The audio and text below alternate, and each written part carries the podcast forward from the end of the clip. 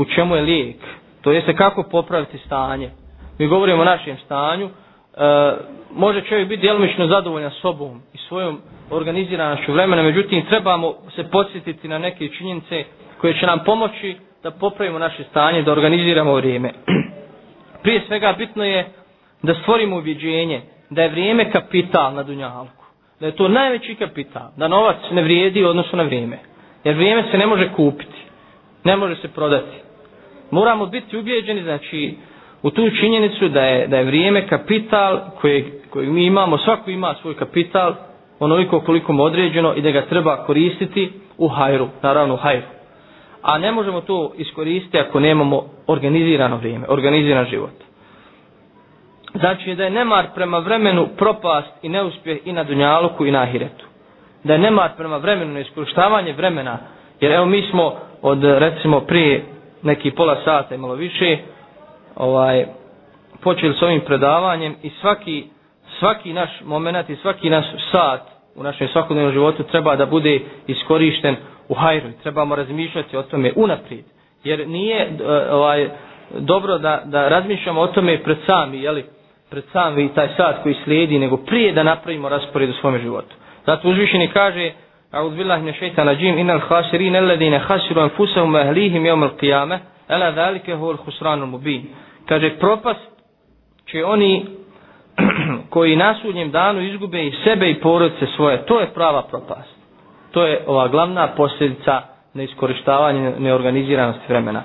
Propast će oni koji propaste sebe i svoje porodice, a upropast će ih ako dozvoli da dospiju u džehennem.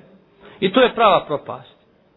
Drugo, da budemo ubijeđeni u veličinu odgovornosti pred Allahom za ovaj kapital koji nam je dao, za ovo vrijeme.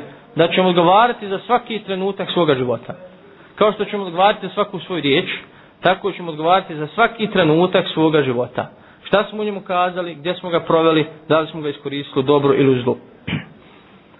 I ovaj hadis, znači, koji smo prijetno spominjali, da čovjek neće maknuti ili pomakiti nogama dok ne bude pitan za život prije svega u čemu ga je proveo čemu ga je proveo. To je to vrijeme, to je taj naš kapital.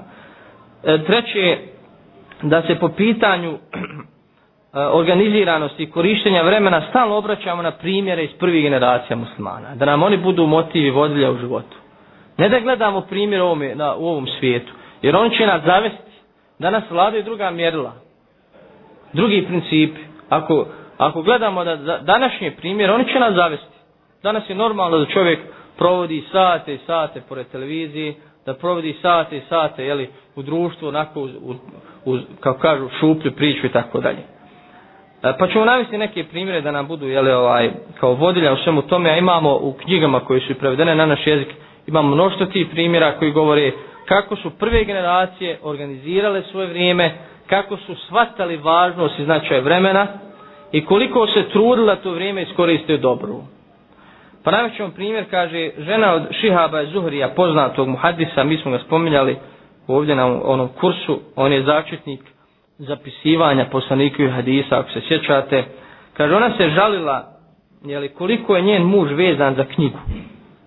Znači, koliko je bio vezan za knjigu, za čitanje, izučavanje knjiga i koliko se, kaže, zruži s knjigom i jedne prilike je kazala, tako mi Allaha, kaže, ove knjige su mi gore i teže od tri inoće. To jeste gore im je nego da imam još, ovaj, još da, da ima još tri žene. Gore su te knjige koliko je vezan za njih nego da ima još tri žene da je oženjen. Što nije slučaj danas, jeli, sa ženama. Danas bi žene ovaj, prihvatile da je muže posuno čitaju knjige samo da se ne ženi. Drugi primjer je uh, poznatog isto islamskog učenjaka El Munzirija. kaže o njemu El Muradi, kaže stalno je, kaže, radio i noću i danju. Stalno je radio, kaže, bio sam u komšija u Kairu 12 godina, kad god bi se probudio noću, kaže, ja sam stanovo ispod njega, e, i pogledao u njegovu sobu, vidio bih da mu upa, upaljena lampa. Čitao je, kaže, čak, čitao je za jelom. Kada bi jeo pored sebe knjigu i čitao bi usput. Treći primjer je Abdurrahman ibn Tejmije, kaže, kazuje da je njegov djed, kada bi uđi u, u ovaj nužnik, govorio bi svome sinu, odnosno njegovom ocu, čitam iz te te knjige i podigni glas da te čujem. Čak i to, i to znači vrijeme e, znači vršenja nužde prirodne je koristio da nauči nešto novo. Znači to je opet znači ide u prilog tom organiziranju vremena. Isto Ibn Kajim, poznato Ibn Kajim da je e, svoju knjigu, poznatu knjigu Zadul Me'ad, koja je prevedena u skraćenoj verziji na naš jezik, da je napisao na putu za hač. Na putu za hač. Znači na, na devi su putovali tada, pisao je knjigu napisao ovaj, na putu za hađ. Isto tako bitno je, kada u pitanju naše vrijeme, bitno je da ne, ne zaboravimo uzvišnog Allaha subhanahu wa ta'ala i njegovu podršku, jer bez toga ne možemo uspjeti ni u čemu, da molimo Allaha za beričet u vremenu. Mnoštvo je poslanikov hadisa koji govore o tome da je poslanik alaihi salatu wasalam molio za beričet u vremenu. To jeste da ako imamo dva sata slobodnog vremena, da imamo u njima veliki beričet, znači kao da imamo deset, deset sati slobodnog vremena. E, zato je poslanik Ali Islat nam kazao u jednom hadisu, Allahu moj podari, podari mome umetu beričet u ranom ustajanju. Fi bukureha, u ranom ustajanju. To je, I ta dova je uslišana. Ta dova je uslišana poslaniku Ali Islat. Znači najveći beričet u vremenu je vrijeme zore pa do izlaska sunca.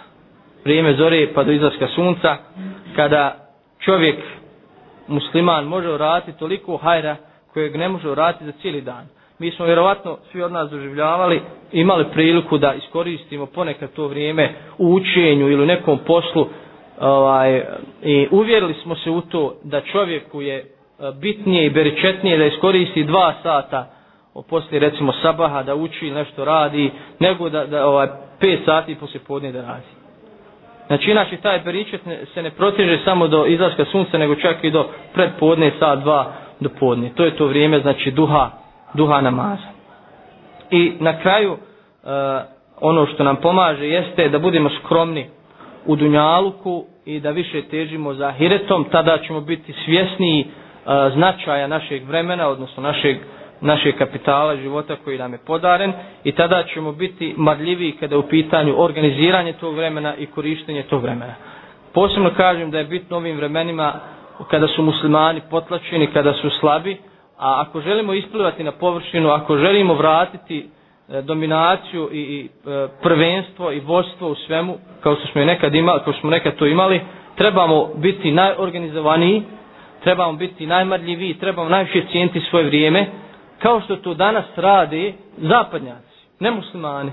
Ono što su oni postigli, taj napredak koji su postigli u nauci, u tehnici, u svemu drugom, postigli su baš, baš zbog ovoga o čemu mi govorimo. Zbog organiziranosti svoga vremena, zbog marljivosti i zbog cijenjenja svog vremena.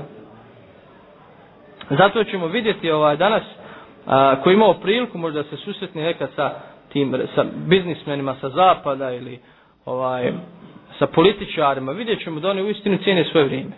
Da imaju organiziran, svaki dan organiziran, unaprijed, da ako hoćeš da sjedne, sjediš s nekim od takvih ljudi i kaže dođe, dođemo u 1.15, tačno 1.15, i imaš do, do pola dva, imaš 15 minuta sa njim. I znači, to je primjer kako da se postigne ovaj, e, prosperitet i napredak na ome svijetu i kako da na onom svijetu zaradimo Allahu milost i Allahov džennet.